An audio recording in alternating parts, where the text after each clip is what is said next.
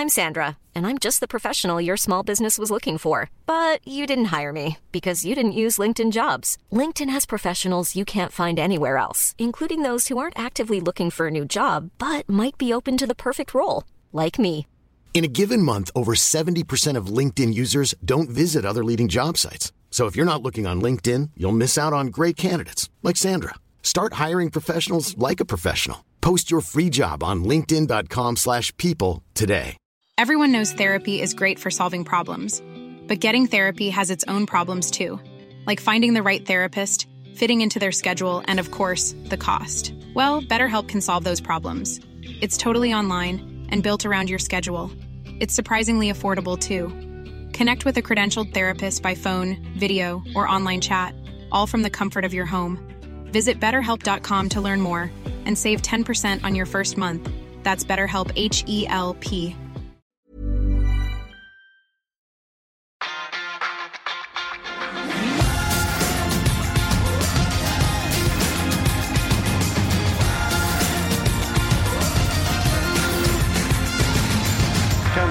Football, by hell.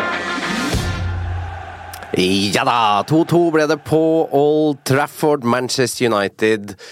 Ja, og det er nettopp den følelsen jeg sitter med i dag. Sånn, ja, hva skal jeg tenke og føle etter gårsdagen? Det var glimt av, av gode ting, det var flere gode opplevelser med Rasmus Høylund, Marcus Rashford fikk scoring, men likevel så sitter jeg med en liten følelse av tja, at Manchester United rett og slett hadde besøk av et bedre fotballag. Eivind og Fredrik. Helt enig. Det er um, Ett poeng gir meg egentlig ingenting. Uh, og det er litt rart å si, fordi Tottenham var jo det beste laget. Så greia er at her kunne, og burde United egentlig fått med seg noe mer. Men det er ikke dermed sagt at de fortjente noe mer. De møtte et bedre fotballag, og de blei tidvis trilla fullstendig ball i hatt med. Og det er mot et B-prega Tottenham. Ja. Så det er mange ting vi må snakke om her. Ja, det er det. Ja, det er flere ting, eller flere måter å se det på. Det er jo eh, Jeg skulle gjerne vært på Old Trafford i går, når Høylund setter det første, og, når Rashford setter det andre der, for det eh, da eksploderte det, virka det som. Eh, og, og en seier her hadde gjort underverker. Og det å lede to ganger, eh, og så ender det med at At det kun blir ett poeng, det, det Altså, det er jo, det er jo klassisk. Klassisk Manchester United anno ja, nå 2024. Ja. Um, så er det noe med Jeg syns det at den andre, altså 2-2-skåringa kommer så kjapt etter pause, det tar på en måte lufta helt ut av ballongen, altså. For jeg syns ikke førsteomgangen er så verst, uh, fordi der ser du uh, f- ja, hva skal jeg si, konturene av mye. Eh, den skåringen til Høylund er, er meget bra, altså. Der, eh, og det gjør han også etter pause der, med den detaljen eh, med det raidet og sånne ting. hvor hvor vi får ting som gjør at totalen hans, for eksempel, han sitter igjen med en god opplevelse. Han fikk en scoring og en assist, det er bra. Marcus Rashford scorer, det er bra. Eh, Lisandro Martinez kommer inn, det er bra. Casemiro er på benken, det er bra. Uh, Kobi Maino, han, uh, han klarer seg veldig, veldig bra. Så det er på en måte en del plusser her, da. Eh, som gjør det litt sånn uh, så Jeg sitter ikke med noe særlig skuffelse, for å være helt ærlig.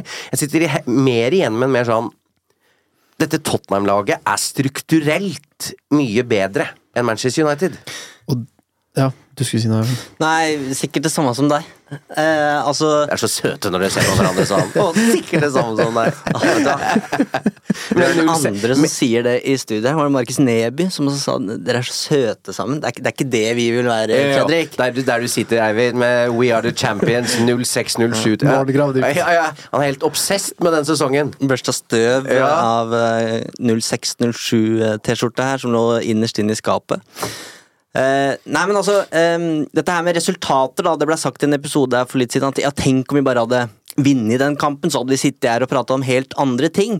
Men jeg er ikke helt sikker på det, da, fordi uh, det Ten Hag må vise Ratcliffe og Inios og, uh, og oss nå, det er et glimt av framtida. Det holder på en måte ikke med en opptur i ny og ne. Um, så en 3-2-seier i, i går hadde selvfølgelig vært fantastisk for stemninga inn i vinterpausen her, sånn. men, men prestasjonen vil jo fortsatt være den samme. Selv om McTomney hadde, hadde satt 3-2 på, på, overtid der, så vil jo Tottenham fortsatt ha vært det beste laget på Old Trafford. De kom til eh, Manchester med en plan, mens det United holder på med, er fortsatt for tilfeldig, da. Så Ten Hags audition her går jo, syns jeg, mer ut på å vise hva er, liksom, er framtida her med dette Ten Hag-prosjektet? Ikke å klore til seg nok trepoengere til at han får fornya tillit en sesong til. Vi må se, Det blir som en basketballmaskin, eh, sånn hoopsmaskin, når du skal skyte så mange små basketballer du kan inn i nettet der. Det holder på en måte ikke å sette en innimellom og så snu seg og, og juble og liksom Yes, we did it! Du må sette tre, fire, fem på rad. Og da snakker jeg ikke om resultater. Kan godt for så vidt spille uavgjort mot Tottenham, men vær det beste laget. Vær, vis oss hva, hva, slags fotball er det Manchester United Diktere skal spille. Diktere en fotballkamp, da. Mm. Yes. Og det er jo derfor Ten Hag kom, for å få kontroll på dette fotballaget her, og det er de ikke. I nærheten av. Det er null kontroll. De har ingen evne til å kontrollere kamper. Det er helt åpenbart at United eh, prøver å angripe Tottenham der de er sårbare, ta det ubalanse, men de evner på ingen måte å se når skal vi ta det ubalanse, og når skal vi selv diktere og sette tempo. Så må vi bare kjapt innom før vi går til Landy. Jeg så det kom en tommel opp her nå. Skjønte og klarte å lese rommet her, gutter. Geni. De største geniene da nevner de ikke. Nei, det er nettopp det, så jeg innrømmer mine svakheter her, da. Ja. Eh, men jo, at vi snakker hele tiden om skadesituasjonen til United. Se hva Postekoglu gjør med Tottenham-laget til tross for at han mangler sine aller beste menn og hele sentrallinja. Det er De ser helt like ut. De ser ut som Tottenham, uavhengig av hvem som spiller, og så er det kvaliteten du ser forskjell på. Og det er, det er ikke tilfellet med United. De prøver ikke på det samme når de mangler sine beste. Så det er langt, langt, langt opp til de beste, og det er ganske urovekkende hvordan United ser ut i den andre gangen på eget gress. Men vi var innom det. Vi har med oss Andy Andy vi. Good morning, Andy. Good morning. What's your take on the game yesterday? Some positives, some negatives. The forwards needed to start scoring. Rasmus Hoyland scored a great goal. Marcus Rashford scored a great goal. I thought the first half was was entertaining. I thought the second half Tottenham dominated, and yet Manchester United could have won right at the end when Scott McTominay had that chance with a header. I think there's an acceptance that Manchester United are actually not very good. Players are still to come back. Tottenham are much improved. United have not beaten Tottenham now in, in three matches, and the league tables reflect that. They're eight points clear of Manchester United. They are a direct rival for European qualification for next season, but United didn't lose. It was the first draw at Old Trafford since March last year. And one of the hallmarks of Ten Hag's sides is they win or lose. They very, very rarely draw. I thought Diogo Dalot played well. I think it was very encouraging when Lisandro Martinez came back. All the crowd was singing Argentina, Argentina. But Manchester United need to start winning games because if they don't, I think Eric Ten Hag's job will become. I, I don't know whether he would keep his job. I think there is some sympathy that the injury list has been so extensive this season. But when he gets his players back, he has to start winning games because this has been a really, really poor season. I saw a stat yesterday. Spurs have scored an average of one goal per game more than Manchester United.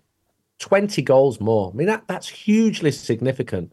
But finishing the question on a positive, great goal by Rasmus, great goal by Marcus. About time. But uh, in the last couple of weeks, Andy, it's, it's been more exciting off the pitch than on it. Can you describe the mood and the atmosphere at Old Trafford yesterday with Jim Ratcliffe in the stands? In the stands in the second half was surprisingly flat. I think United need to do a little bit more, the fans, because the team really needs support right now. And I don't think it was forthcoming in Bayern Munich, that big game a month ago. I think the fans are a little bit shell shocked. Wow, are we really this bad? But you're quite right. The big news has been about Ineos, about Sir Jim Ratcliffe. Sir Jim Ratcliffe made it clear to us yesterday that he wanted to meet the media. He was going to come into the press lounge to say hello. At the end of last week, I got a message to say, How do we buy a copy of the New United We Stand? Jim Ratcliffe wanted a copy of it. He's on the front cover. He's portrayed as a, a knight on a horse, someone who can help save Manchester United. So there is some optimism around about him. I didn't expect him to run onto the pitch like Michael Knighton did in 89, juggling a football, saying everything's going to be great now. There is a realism that it's going to be a very difficult job. You're up against the state owned clubs. Manchester United are a significant way behind. And as Eric Ten Hag said to me uh, last month, um, we actually overachieved last season. And, and Ole Gunnar Solskjaer knew, but he never said it publicly, that his squad was the fourth best in the league. So when he was getting the team to finish third and second, he was also overachieving. So, so Jim Ratcliffe's first impression is definitely positive, but then it's not difficult to be positive after the Glazers. The Glazers never spoke to journalists. The Glazers probably wouldn't even know what a fanzine is. So for him as a Manchester lad, to be meeting journalists, to be writing letters to supporter organisations, I think a lot of fans are saying, bring it on. This is what we want to hear. But don't just expect the team to start winning because the deal's not even been done yet with Sir Jim Ratcliffe. And he said, uh, when it's done, I'll be able to talk more. He's with his right hand man, Dave Brailsford, who was hugely successful in British cycling.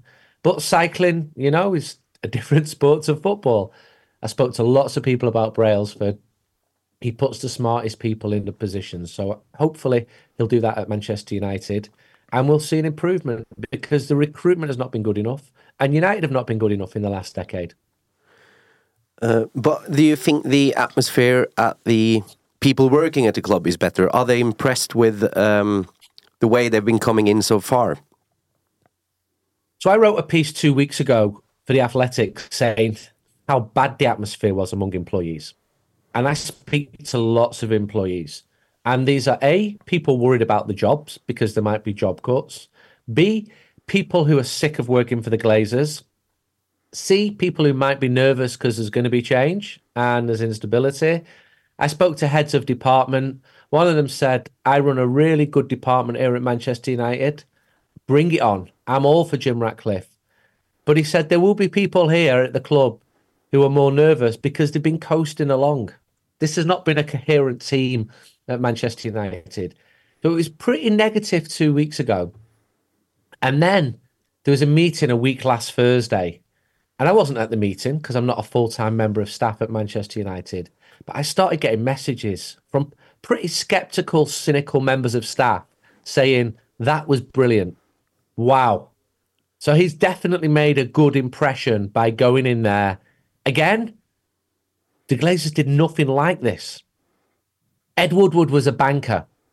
Richard Arnold did a lot of good, but Richard Arnold was saying to staff only two or three months ago, we're chasing Manchester City down.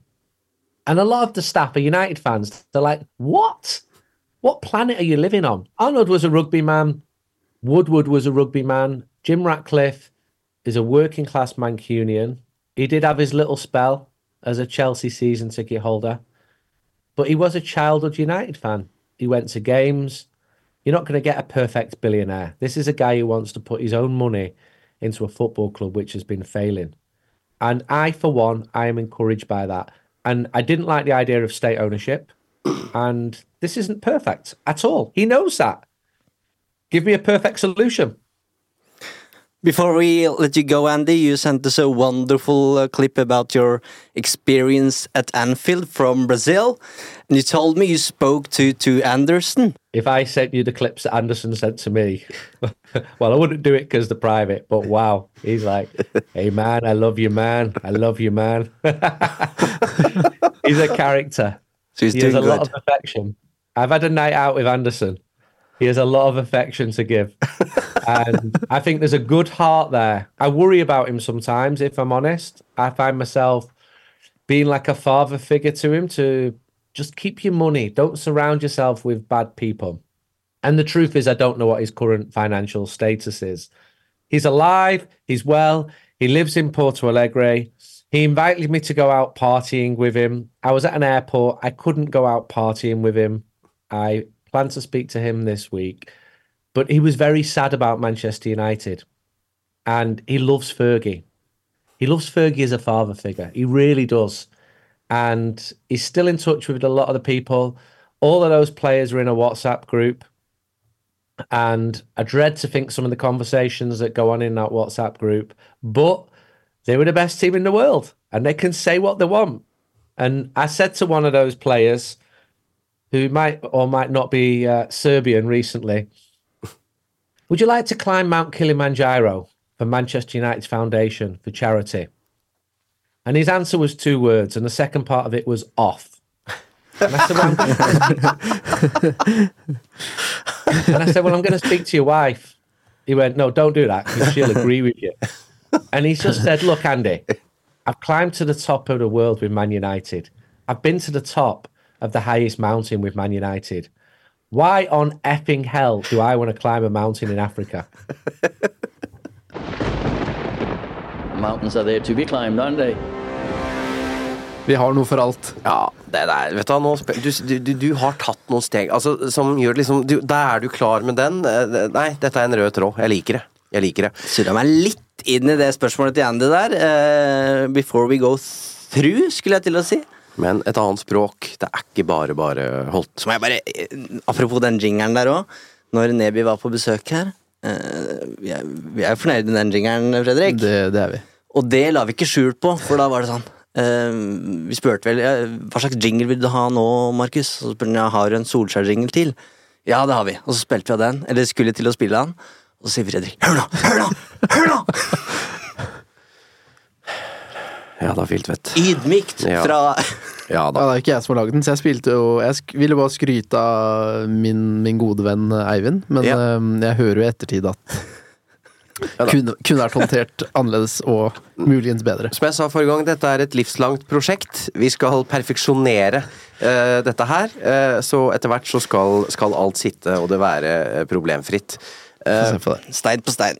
Stein på stein. Vi kan jo ta noen situasjoner i denne fotballkampen, da. Uh, straffe, mener Erik Den Haag at eh, Manchester United skulle ha da eh, Garnaccio gikk i bakken. Fredrik, hva sier varrommet ditt?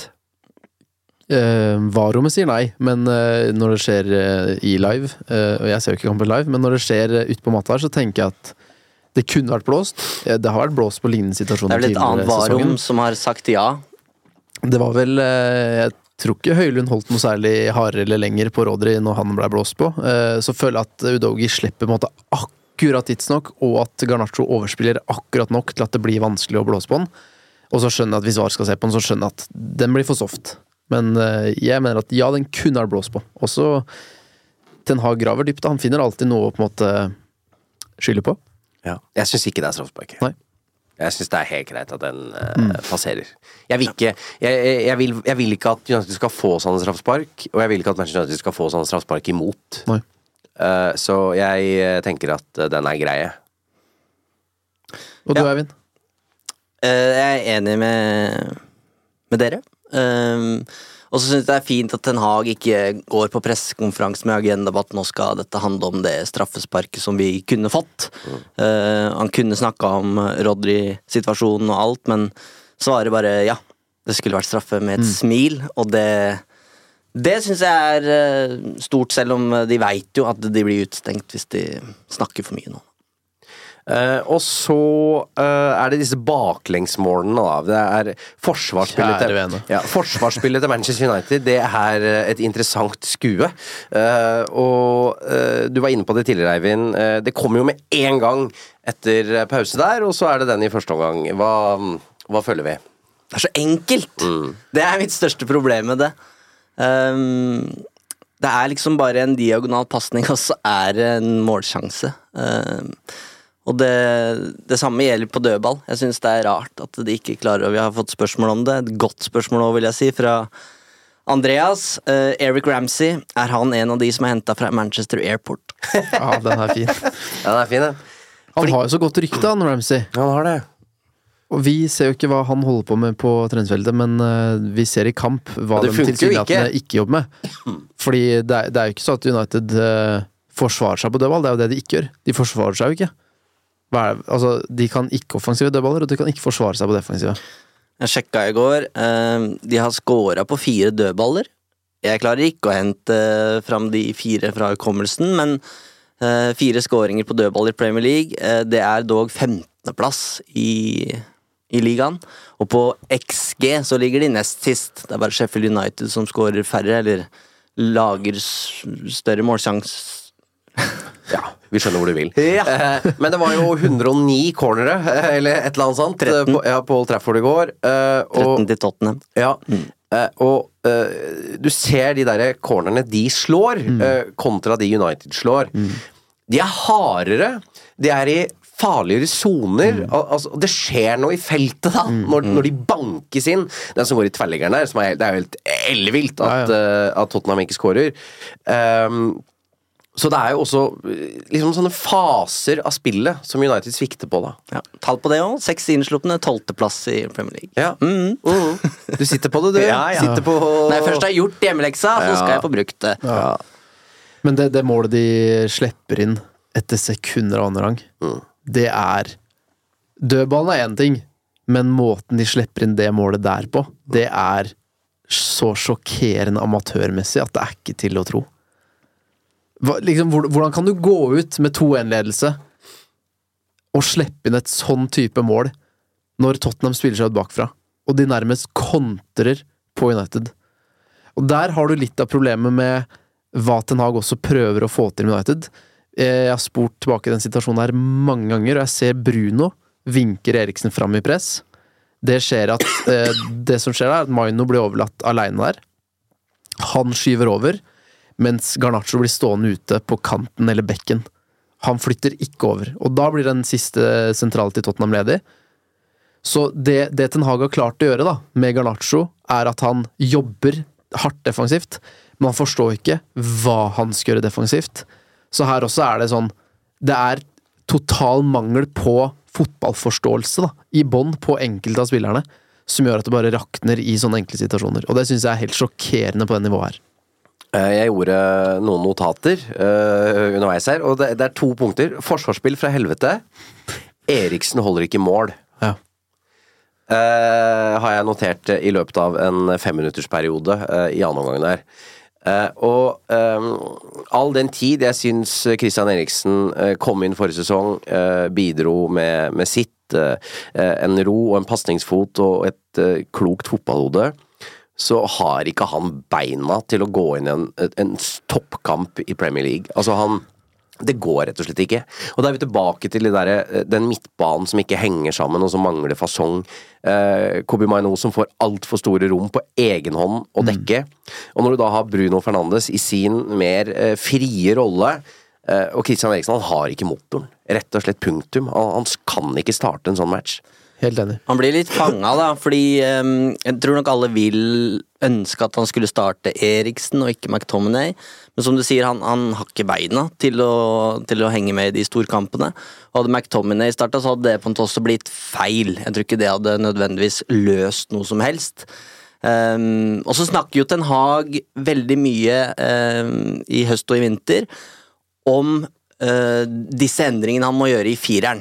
Eh, det er skadeproblemer over hele linja, men han snakker mye om at når det må eh, gjøres endringer bak der, så forplanter det seg framover. Og det ser vi jo i går, eh, når Shaw han, Den Haag sier han må trekke seg i siste minutt. Det var jo på morgenen der at Shaw må gi beskjed om at han, han kan ikke stille til start. Og så beholder han da Dalot på høyre bekk, som jo var planen, og så setter han Van Bissaka ut til venstre. Mens det normalt sett så har det vært omvendt. Og det er nok, tenker jeg, for å på en måte beholde på noen av, de kampplanene som er, eh, som er lagt den uka, de mønstrene som, som de har forberedt seg på. Eh, men det er jo vanskelig å, å, å se det. Um, og så er Den store endringa her blir jo når Martinez kommer inn. Så hvor bra blir det når det er Van Bissaka, Varan, Martinez, eh, Shaw Nå sa jeg Van Bissaka, men Dalot og Van Bissaka er ganske likestilte der. Eh, hvor bra blir det da? Jeg måtte bare sjekke. Eh, den første fireren, eller femmeren med de fem spillerne, de ligger jo på en seiersprosent på 50 sammen eh, under Ten Hag. Et, mål, et poengsnitt på 1,8, mens uten en av de brikkene der, en av de spillerne der, så er det en seiersprosent på 43 og et poengsnitt på 1,4. Så det er marginal forskjell, da. Ehm, jeg gleder meg veldig til å se Martinez komme inn tilbake, eh, og enda bedre enn det han var i sesongstarten. Men jeg er usikker på om det løser alt, fordi vi snakker her om en strukturell utfordring. Ehm, så hvis Den Haag måte peker på at her er det bare fireren som må settes, så vil det løsne. Mulig han gjør seg en bjørnetjeneste. Ja, men det kommer jo ut eh, Det har du, dere har vært innom flere ganger, at det har kommet ut av Manchester United at de rekker jo på en måte ikke eh, trene på dette grunnspillet, eh, etablere det, eh, den filosofien Erik Den Haag ønsker, fordi det har vært så mye matcher. Den forklaringen holder ikke nå utover våren. Nå har Manchester United en unik mulighet til å jobbe med spillestil, for de skal spille én match i uka ut sesongen. Eh, Så dette holder straks ikke vann lenger. Nå er nesten alle tilbake i en eller annen form. Eh, Den beste elveren er ikke så langt unna at eh, Erik Den Haag kan mønstre. Nå må det skje noe. Spillestilsmessig.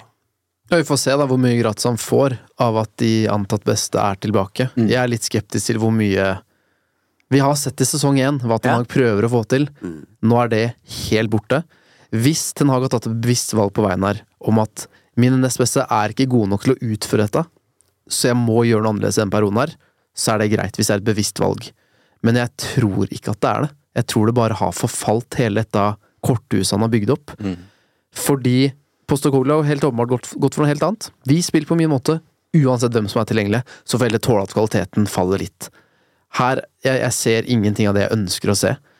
Uh, og stakkars John Evans vært god i det siste, som bare er i den 2-2-situasjonen. Han, han, han har ikke bein til å være med på det. her, Både han og Eriksen. had, hadde, sant? Han og Eriksen blir jo et problem i går, da, og så er det ikke dem sin skyld, men, men det er spillere som ikke skal spille fast for United i en sånn type kamp i det hele tatt. Så Varan og Martinez som stopper i den sånn situasjon, ville sannsynligvis ført til at kanskje Casemiro også, da, i, sammen med Maino der, ikke hadde blitt lokka opp i det rommet som Bruno vil presse høyt i. Det er så rart at ikke Casemiro kom inn, jeg. Nå har han eh, trent lenge, og hvis han ikke skulle inn i går, hvorfor var han da på benken? Godt spørsmål. Eh, Jeg vet ikke, Eivind. Eh, Men jeg er enig. Ja. Eh, og uh, samtidig skal vi, kan ikke liksom sitte her og uh, svartmale Kan vi snakke litt om scoringen, eller? Ja, fordi vi må ikke liksom sitte her og, og uffe oss for mye heller. United tar et poeng, vi må huske det. Det er mot et topplag. Vi må på en måte erkjenne også situasjonen til dette fotballaget. Resultatene sier det, enkelt og greit, hvor United befinner seg på denne tabellen. Tar et poeng. Taper ikke en fotballkamp. eh, spiller ikke uavgjort. Du må ta med oss at det er endelig litt uavgjort. da, gitt. Første gang siden mars, tror jeg. Ja, Hey, it's Danny Pellegrino from Everything Iconic. Ready to upgrade your style game without blowing your budget? Check out Quince. They've got all the good stuff shirts and polos, activewear, and fine leather goods, all at 50 to 80% less than other high end brands. And the best part? They're all about safe, ethical, and responsible manufacturing. Get that luxury vibe without the luxury price tag. Hit up quince.com slash upgrade for free shipping and 365 day returns on your next order. That's quince.com slash upgrade. Burrow is a furniture company known for timeless design and thoughtful construction and free shipping, and that extends to their outdoor collection. Their outdoor furniture is built to withstand the elements, featuring rust-proof stainless steel hardware, weather-ready teak, and quick-dry foam cushions. For Memorial Day, get 15% off your Burrow purchase at burrow.com slash ACAST and up to 25% off outdoor. That's up to 25% off outdoor furniture at burrow.com slash ACAST. Denne episoden er sponset av Hello Fresh. Nå som det drar seg mot slutten av en lang sesong, trenger vi United-supportere skikkelig næring. Med gode og ferske råvarer fra Norge gjør Hello Fresh det til en lek å lage de herligste retter fra hele verden. Du velger bare hvor mange som skal spise, og hvor mange oppskrifter du ønsker ukentlig. Så får du alle ingrediensene du trenger, levert på døra. Personlig syns jeg det beste med Hello Fresh er at du kan skreddersy din egen ukesmeny. Du kan velge fra fem forskjellige kategorier. Vegetarisk, familievennlig, rask og enkel, fisk og grønnsaker, og smaker fra hele verden. Med 25 fristende oppskrifter hver uke kan du bli like uforutsigbar på kjøkkenet som Garnaccio er på Vingen. Selv må jeg si jeg er spesielt svak for asiatisk taco og den portugisiske kyllingburgeren. Som Uno-lytter kan du få opptil 1779 kroner rabatt på de seks første matkassene dine, og gratis frakt med første leveranse. Så det er bare å komme seg inn på hellofresh.no og bruke koden FreshUnited. Dette gjelder for de som ikke har prøvd Hello Fresh ennå, og for de som tidligere har vært kunde, men som har stoppet abonnementet for minst tolv måneder siden. Eh, så ja, skåringene. Eh, Rasmus Høylund for meg er Jeg bare tenkte sånn Wow, kamerat. Når han Den- setter den, da blir jeg sånn Wow. Van Persie mot Villa. Ja, sånn, Ikke det andre, men det Ja, siste der. ja. Mm. Den skåringa der var så bra at jeg tok fram eh, Jeg var midt i legging, så jeg så litt av kampen på telefonen. Oi! Da, den var så bra at jeg sa Altså at jeg viste fram skåringa til kona mi. Og hun veit ikke forskjell på innkast og skåring, altså. Nei. Eh, så bra syns jeg den var. Hva sa hun, da? Jeg tror hun Er det de i eh, rødt, eller er det de i hvitt? Ja. Nei, jeg tror hun liksom Ja, den var bra, Fredrik. Ja. Den er jeg Hyggelig- hyggelig- enig hyggelig for deg det, Fredrik. Så skjønte jeg ettertid hvorfor jeg ikke pleier å vanligvis dele fotballøyeblikk med, med henne, men eh, men den var helt, helt sinnssyk. Så hard at jeg, jeg skjønte egentlig ikke hva, rakk ikke å skjønne hva som skjedde. Nei. Skjønte ikke at den klarer å fyre så hardt i den så tett uh, situasjonen. Så den var fin, og den trengte både vi og han, tror jeg. Det som gleder meg mest Og du har kalt oss, du kalte oss eh, tørrpinner når vi starta med det her, og nå dette er definisjonen av tørrpinne. Altså nå er jeg både grå og gammel. Men det at det ikke er en sånn planlagt feiringsrutine Det er ikke noe, det er ikke noe kyllingdans, det er ikke noe ta pulsen, det er ikke ned på kne. Han bare er i nuet og feirer med fans og medspillere. Det, det gleder mitt etter hvert aldrende hjerte, altså. Jeg, jeg syns det er ja, Da får jeg lyst til å feire med. Ja. Mens når Diogo, Diogo Dalot tar pulsen etter å ha scora mot Wiggen i FA-cupen, så får jeg Da blir det du ikke med. altså. Da blir du ikke med. Nei, da blir jeg ikke med. Men sier du dette, er det tilfeldig at du sier det, eller har du sett noe klipp på Twitter av uh, Garnaccio sin eh, Twitch-stream med speed? Nei, det har ikke noe med det å Nei. gjøre, men jeg leste at han hadde planlagt et eller annet, ja. Ja, jeg satt jo, altså Det gjør at jeg nesten håper at Da, da går det helt fint om du ikke scora, Garnaccio, fordi han hadde fått noen utfordring fra Speed om hvordan han skulle feire dersom han putta. Og der kjenner jeg også at det, det er, Hvis folk liker det, helt greit. Der har jeg også blitt for gammel. Men det jeg eh, ser i Rasmus Høylund, da, er en gryende kultfigur. Eh, fordi eh, jeg, som jeg har sagt, til det kjedsommelige, det jeg er mest opptatt av, er framgang. Altså spillemessig framgang. Eh, og nå ser du en Rasmus Høylund som er i ferd med å forbedre selvtillit. Han eh, har assisten til Marcus Rashford. Han banker inn den scoringen. Når han har det raidet i andre omgang der, den derre neven han knytter og hytter opp mot Stretford End, at han tør det. Han, han vil lede an den angrepsrekka, da. Og så trenger han hjelp for at dette her skal funke. Men det er ingenting for meg som tilsier at han ikke kan få en strålende karriere på Old Trafford. Og det er noe med de siste ukene her, eller kanskje månedene, og det er kanskje vanskelig å se det i alt kaos og, og, og dårlige resultater her, men det er, jo en, det er jo en stamme her som er talentfull, og som er framtida, altså. Med Rasmus Høylund, med Garnaccio, med Maino. Um, og, og det er noe å bygge rundt uh, etter hvert der. Og så satt jeg og tenkte på når Casemiro uh, kommer inn igjen nå. Hvordan komponerer man den midtbanen? Hvordan hadde vi satt den opp? Nå er Mason Mount tilbake. Casemiro er tilbake. Maino er så god som han er. Bruno skal spille. Hvordan setter man opp den midtbanen? Tell me. Jeg holder jo Mount ute, jeg, da. Eller ja, jeg gjør det, altså. Jeg òg. Eh, Maino og, og Casemiro syns jeg er spennende. Eh, da tror jeg Maino kan få enda litt mer offensiv frihet. Eh, at det ikke er han som skal rydde opp, men at det er Casemiro. Det tror jeg kan bli spennende. Mm. Eh, Bruno i tieren. Bruno i tieren, og så Garnaccio og, og Rashford. Og hvis Casemiro ser like ferdig ut som han gjorde før han gikk ut med skade, så tar man og setter inn Mount, og så tar man og da endrer eh, Maino sin rolle igjen. At det er han som blir den eh, dyptliggende. Og vi veit jo ikke hva som har skjedd der, men, men ikke kom, kom og fortell meg at det er topp stemning eh, i, i Mount-campen om, om dagen, altså. Og det det syns jeg er ille, når det er seks måneder siden han ble satt øverst på ønskelista av Ten Hag. Ja, jeg, det er jo urovekkende, bare hvordan denne stallen og ting ser ut. Det er jo ikke til å komme bort fra. Så nei, jeg trenger ikke å sitte og svartmale etter 1-1 mot Tottenham Nei, ett poeng mot Tottenham. Men uh, det, er, det, er, så mye å prate om her som er så usikkert og frustrerende og fortvilende. Men kommer Garnaccio like godt i sin rett til høyre? Ja, ikke i går. Ikke går. Nei, han men, spist opp av Jo da, men nå tenker jeg mer sånn uh, Utvilsomt. Ja, ja, for det har vært så mye sånn problematisering om at de to må være til venstre, begge Mm. to, Marcus Rashford og Garnaccio. Ja, jeg tror dette går fint, jeg. Jeg syns det går veldig fint hittil, jeg. Han går uh, både inn og ut, så han kan fòre med innlegg til Høyland i mye større grad. Det er noe vi har etterlyst. Også mot uh, var det mot Wiggen, at han også trakk seg inn i banen og fyrte om venstre som gikk i tvella. Så han Mm. har to føtter òg, da. Tvella. Tvella. Det er, det er det ingen under uh, Nå ble jeg, nå ble jeg ung. Nå ble jeg ung Ja, det er ingen over tolv som har lov til å si det. Nei. Tvella.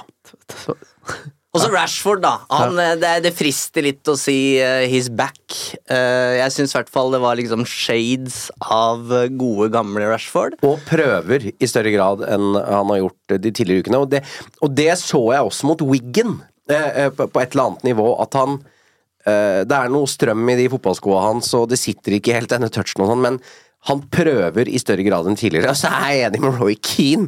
Eh, Og så ler du. ja, det, fordi uh, Roy Keane sier mye rart, men at liksom Rashford skal begynne med det pratetegnet og sånn etter Ja, ja, i, den, i, i den feiringen etterpå. Så, Kom igjen, da! Du har jo ikke scora mål! Altså, selvfølgelig blir du kritisert, kamerat! Ah. Spørsmål fra Erik. Var Rashford sin feiring et stikk til Fredrik og avsløringene i forrige pod? Ja, det er helt sikkert for deg han tenkte på. Ja, skal jeg helt ærlig, så syns jeg jeg slapp ganske billig unna. Ja. Eh, men nei, vet du hva? Gi meg massevis av styrke, Marcus Rashford. Du har, du har eh, ikke Åssen var, tallene? 253 dager eller noe? 243 dager? 54. Ja. Uten scoring. 34. 234. Ja. Og så skal han begynne vet, du, vet du hva? Men. United skåra to før pause, gutter! Ja, like mange i går som de har gjort i løpet av hele sesongen. De tallene, de De er så stygge. De, de er ikke til å tro. Altså, det er, men det er helt, det er helt Det er 18.-plass, 20.-plass, 19.-plass, Vi har jo 17.-plass. sagt det er jo bare å møte opp til andre omgangen Ja. når det er hjemmekamp. Eh, Men hva følger dere? Eh, Vi kan hoppe Det Jingle, skal jeg ha.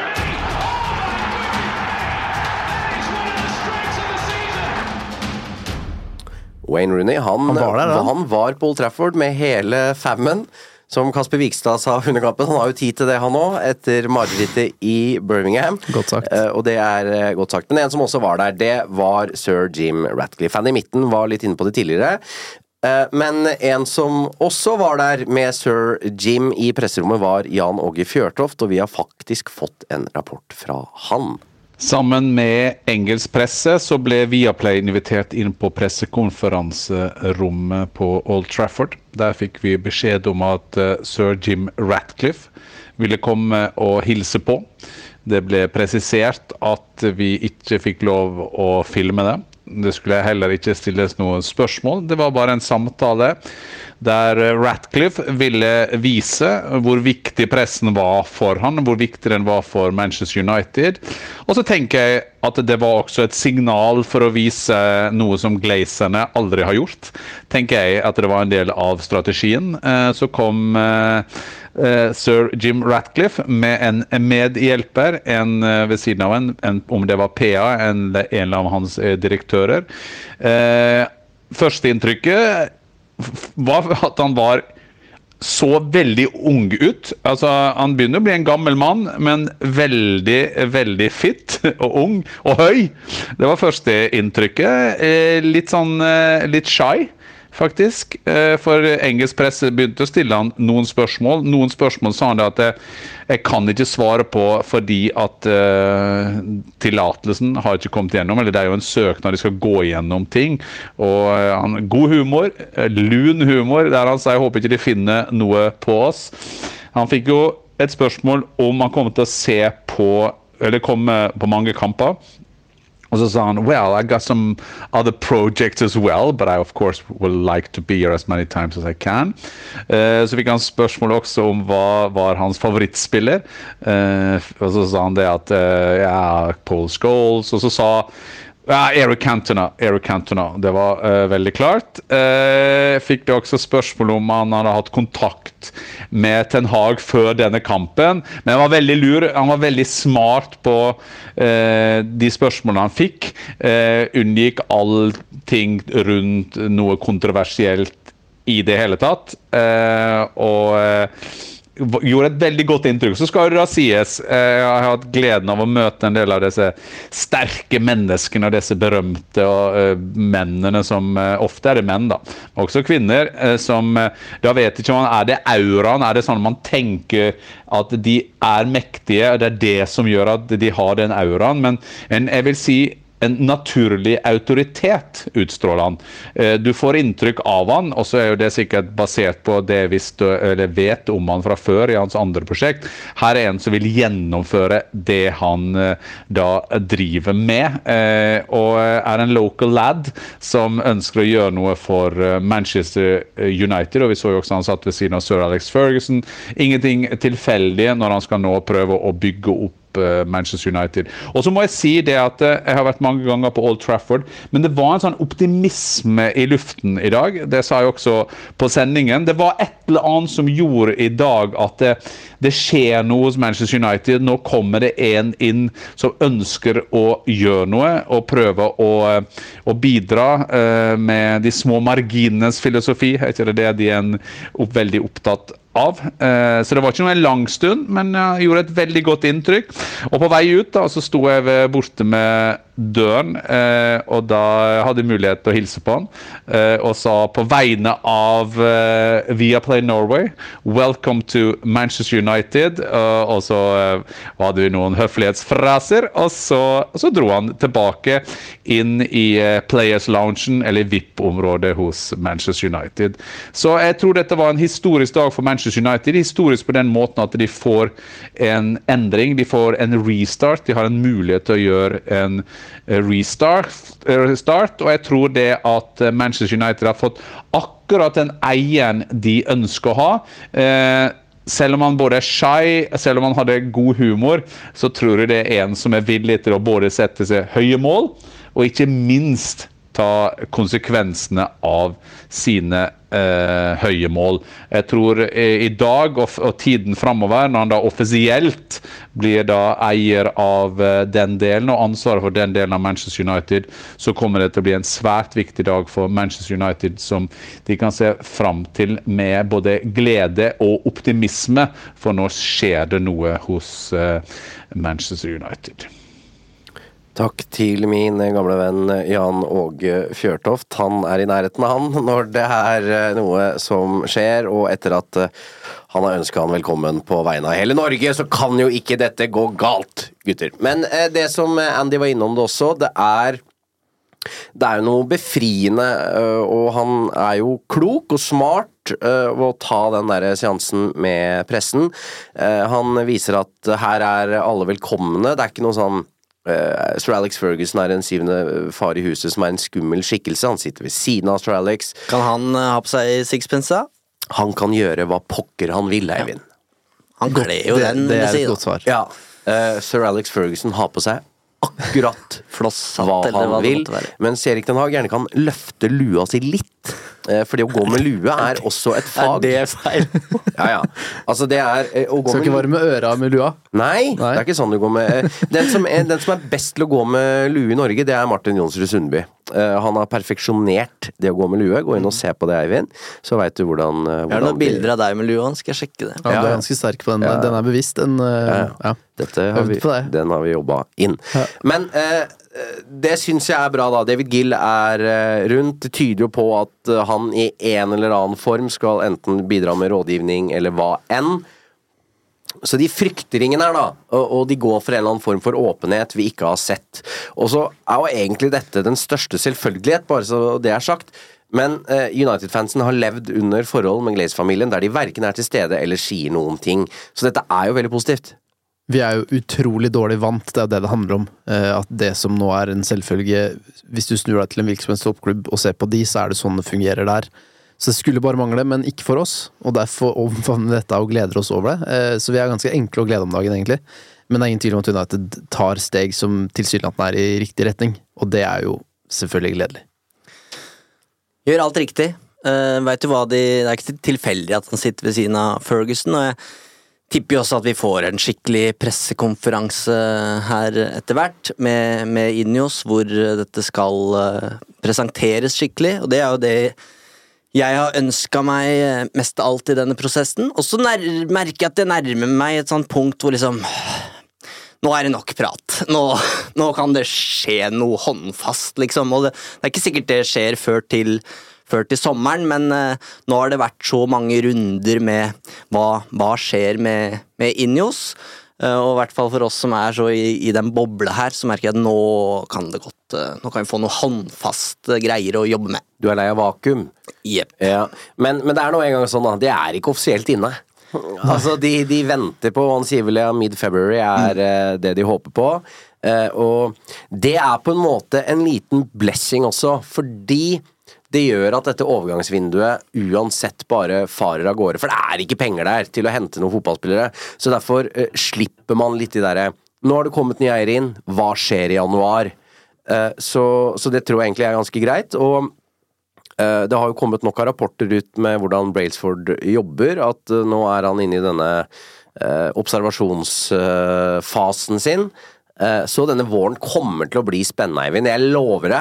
Altså, her eh, kommer det til å komme inn eh, navn med, med bedre bakgrunn enn en, enn de som styrer det sportslige i dag. Så nå må du bare smøre deg litt med, med denne tålmodigheten, for dette kommer til å bli bra, tror jeg. Ja, det skal jeg gjøre. Og så kan vi ta et spørsmål fra Kenneth på tampen her. ehm, mens vi venter. Um, og det er et spørsmål jeg har fått flere ganger, og jeg tror ikke vi har liksom svart ordentlig på det. Så det er greit at vi ikke forventer noe i januar, men hvis dere kunne valgt én posisjon United må forsterke, hvilken posisjon og hvilken spiller? Står det. Nå er vi tilbake til litt det at dette vil ikke jeg ha svaret på, jeg. Hvordan da? Nei, altså Jeg vil jo ikke øh, Jeg vil at Manchester Uniteds transferapparat skal være så bra at de har så kontroll at de finner den perfekte høyrekanten, den perfekte sentre, sentrale midtbanespilleren og den perfekte makkeren til Rasmus Høylund, samt en utsøkt midtstopper som skal eh, danne uh, makkerduo med Lisandro Martinez. Det vil jeg ha. Eh, og jeg vil at de skal ha så kontroll etter hvordan United skal spille, altså en, en tydelig filosofi, at jeg er ikke opptatt av navn. Så jeg klarer ikke å si at uh, For da må jeg jo Skal jeg si Mbappé, liksom? For da blir jo Fredrik lei seg, for det vil jo ikke han. um, Eh, så jeg, så jeg Og hvor kniper det mest? Jeg syns det er også et vanskelig uh, spørsmål å Den, svare jeg på. sliter oppriktig med å og- Men igjen så er det, det er stoppeplass. Det er sentral midtbane, og det er spissplass er for min del. Det, det er- er sentrallinja igjen, altså. Ja, For meg er det fi, fire United bør uh, forsterke med fire som går inn, egentlig. Altså én midtstopper, én sentral midtbanespiller, en høyrekant og en spiss. Det er på en måte min bestilling. Men er ikke det, er ikke det også sånn helt ufattelig? At behovene melder seg der hver eneste gang vi snakker om et sommervindu. Ja, Men de klarer jo ikke å kjøpe Nei, det det, jo har jo utrolig. bevist de siste Det ti åra. Klarer utrolig. ikke. Nei, de klarer ikke det. Og det er jo det som mm, tilbake, Tilbakevendende for meg, da. At nå ønsker jeg at på en måte når du får inn en god director of football, en head of recruitment, så skal de ha så kontroll på dette markedet. Eh, de må forsterke United har en haug med speidere, men eh, de må jo ha riktige speidere for å få dette her til å funke. Så eh, jeg er nok sjeldent Jeg er jo nok sjeldent interessert i organisasjon, da. Det mener jeg. Jeg er nok blant de som er mest opptatt av det. Og United-fans, altså de, for de fleste fotballsupportere, så er dette snork, altså. Ja, det, ja. vi, det vi er nå brennende engasjert i. Ja, jeg er sjukelig opptatt Og det Og det. sier hvor langt det har gått Ja. i Manchester United, når alle skjønner at det er der vi må begynne, i administrasjonen. Ja. Ehm, og så får vi mange spørsmål som sagt om, om hvilke spillere som skal inn, men det er neste. altså Det snakkes om Brailsford og marginer og 1 %-faktoren og liksom Det er de små, små tinga som utgjør forskjellene, men det første han gjør her, er jo av enorm betydning, og det er jo der inne på, på der eh, Jon Martin, at det er ikke bare en, en sportsdirektør som skal inn her, det er også en head of recruitment. Det virker i hvert fall som at han har eh, bestemt seg for at her trengs det to hoder inn for å få dette, denne rek rekrutteringsstrategien på G. Eh, og det blir jo det blir årets og kanskje tiårets viktigste ansettelser, da. Fordi United må Der har de ett forsøk, eller to forsøk, da, på å få to av to. Fordi de neste vinduene nå blir helt avgjørende. De kan ikke gå inn i et nytt vindu hvor det kommer inn spillere som vi avskilter et år seinere og sier nei, det var, det var feil, gitt. Da får vi eh, prøve på nytt. Og, og så er det eh, også sånn at det å signere fotballspillere er ikke eksakt vitenskap. Altså, det er det ikke. Eh, det er mange faktorer som spiller inn, men det må i hvert fall være sånn Hvis du ser på signeringene nå til Erik Den Haag, da. Så sitter du igjen med at hvem har vært knallgode signeringer? Det er vel først og fremst Lisandro Martinez. Som på en måte du, du, må, du, du, må kunne snu på det regnestykket for at dette her skal være bra. Du skal, hvis du kjøper fire i et overgangsvindu, så skal tre av de funke veldig bra. Så må du akseptere at det er ikke sånn at Injos kommer inn med en eller annen tryllestav, og så knekker de absolutt alle koder. Så enkelt er ikke fotball. Det funker ikke sånn. Men du må i hvert fall gardere deg og ha så dyktige folk at sjansene for at du er treffer er så enormt mye større enn at du eh, lar en manager som først og fremst er god til å sette opp et fotballag, til å lede et fotballag, det skal være hans jobb. Og det kommer til å eh, frata eh, Erik Den Haag så mye støy og ansvar. Jeg, jeg tror ikke han liker det, eh, og det må han akseptere. At det å kjøpe fotballspillere, det er ikke hans hovedoppgave her. Det er ikke hans største fokus. Det er å få dette laget til å se best mulig ut. Og som jeg også har sagt 100 ganger, det er Det skal gjøre det mer irrelevant hvem som er manager. Dette, denne klubben skal takle at det kommer en ny manager hvert andre år. Men organisasjonen skal takle det. For det skal være så solid i bånn. Og derfor er jeg sånn om han, om det er Erik Den Haag eller en annen som står på sidelinja, når forhåpentligvis vi tre eh, er på Old Trafford når neste sesong sparkes i gang, jeg er ikke så opptatt av det akkurat nå. Nå er det hvem som kommer inn uh, over den. Jeg er bare så opptatt av at man ser en endring i strategien deres på overgangsmarkedet. At eh, de må slutte å hente navn. Nå driter jeg hva det heter, så lenge de har en fotballfaglig årsak til at de ønsker å hente dem. Og mis, mis, eh, misforstå meg rett der, hvis de henter en spiller som heter Declan Rice, så, så er navnet greit, fordi da har han også alderen på sin side og en sult i bånn. Men hvis det kommer inn en helt ukjent portugiser på 20 år som dominerer midtbanen der, og det er gode grunner til at Vet du hva, United er dårlig på det, så vi henter han av den årsaken.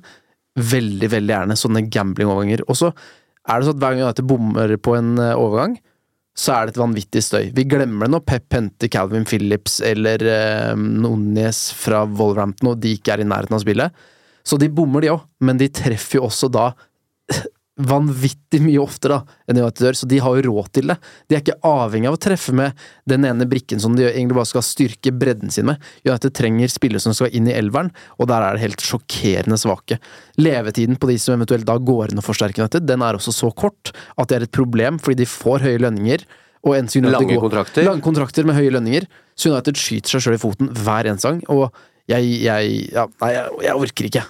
Bare gjør noe annerledes, så er jeg fornøyd. Samme faen om treffer eller ikke, bare gjør noe annerledes. Jeg skal se at det er planlagt. Men eh, det har jo på en måte Ratcliffe også sagt eh, Heldigvis. før han kom inn der, at en sånn som Casemiro vil ikke bli kjøpt eh, med meg ved roret. Noe jeg syns er litt urovekkende, er den, de rapportene som har kommet ut om Den Haag, som visstnok måtte Nei, nei, ikke kom her og ta fra meg dette her. Jeg skal fortsatt ha mitt ord i hvem som skal hentes, og jeg Det er kontraktsfesta, han har vetorett i på Det ting. papiret. Det er en ting. Ik ikke kom som sjef og si at du skal signere denne spilleren, eh, hvis ikke du vil ha noe han, du mener at han ikke passer inn. Det er helt greit.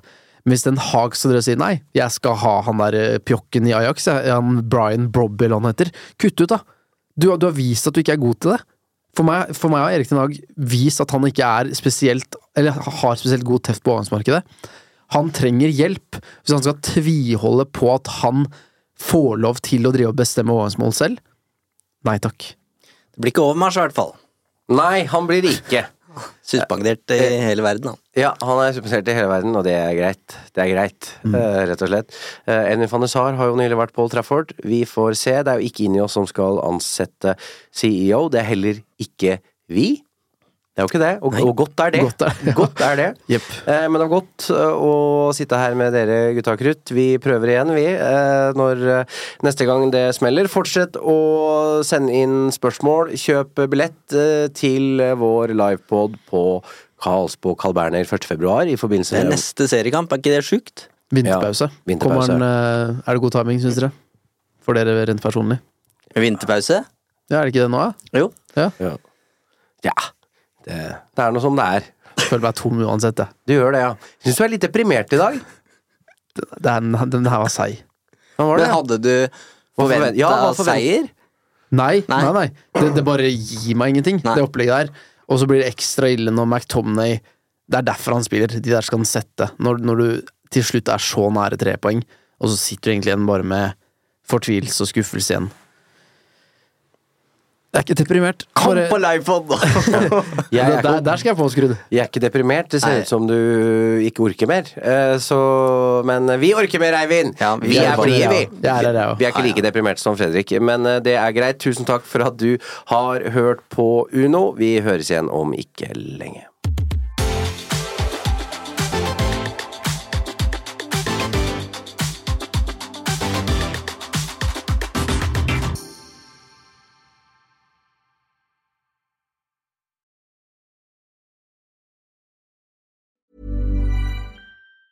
Hey, it's Danny Pellegrino from Everything Iconic. Ready to upgrade your style game without blowing your budget? Check out Quince. They've got all the good stuff shirts and polos, activewear, and fine leather goods, all at 50 to 80% less than other high end brands. And the best part? They're all about safe, ethical, and responsible manufacturing. Get that luxury vibe without the luxury price tag. Hit up quince.com slash upgrade for free shipping and 365 day returns on your next order. That's quince.com slash upgrade. Hi, I'm Daniel, founder of Pretty Litter. Cats and cat owners deserve better than any old fashioned litter. That's why I teamed up with scientists and veterinarians to create Pretty Litter. Its innovative crystal formula has superior odor control and weighs up to 80% less than clay litter. Pretty Litter even monitors health by changing colors to help detect early signs of potential illness. It's the world's smartest kitty litter. Go to prettylitter.com and use code ACAST for 20% off your first order and a free cat toy. Terms and conditions apply. See site for details. Mom deserves the best, and there's no better place to shop for Mother's Day than Whole Foods Market. They're your destination for unbeatable savings, from premium gifts to show-stopping flowers and irresistible desserts. Start by saving 33% with Prime on all body care and candles. Then get a 15-stem bunch of tulips for just $9.99 each with Prime. Round out Mom's menu with festive rosé, irresistible berry chantilly cake, and more special treats. Come celebrate Mother's Day at Whole Foods Market.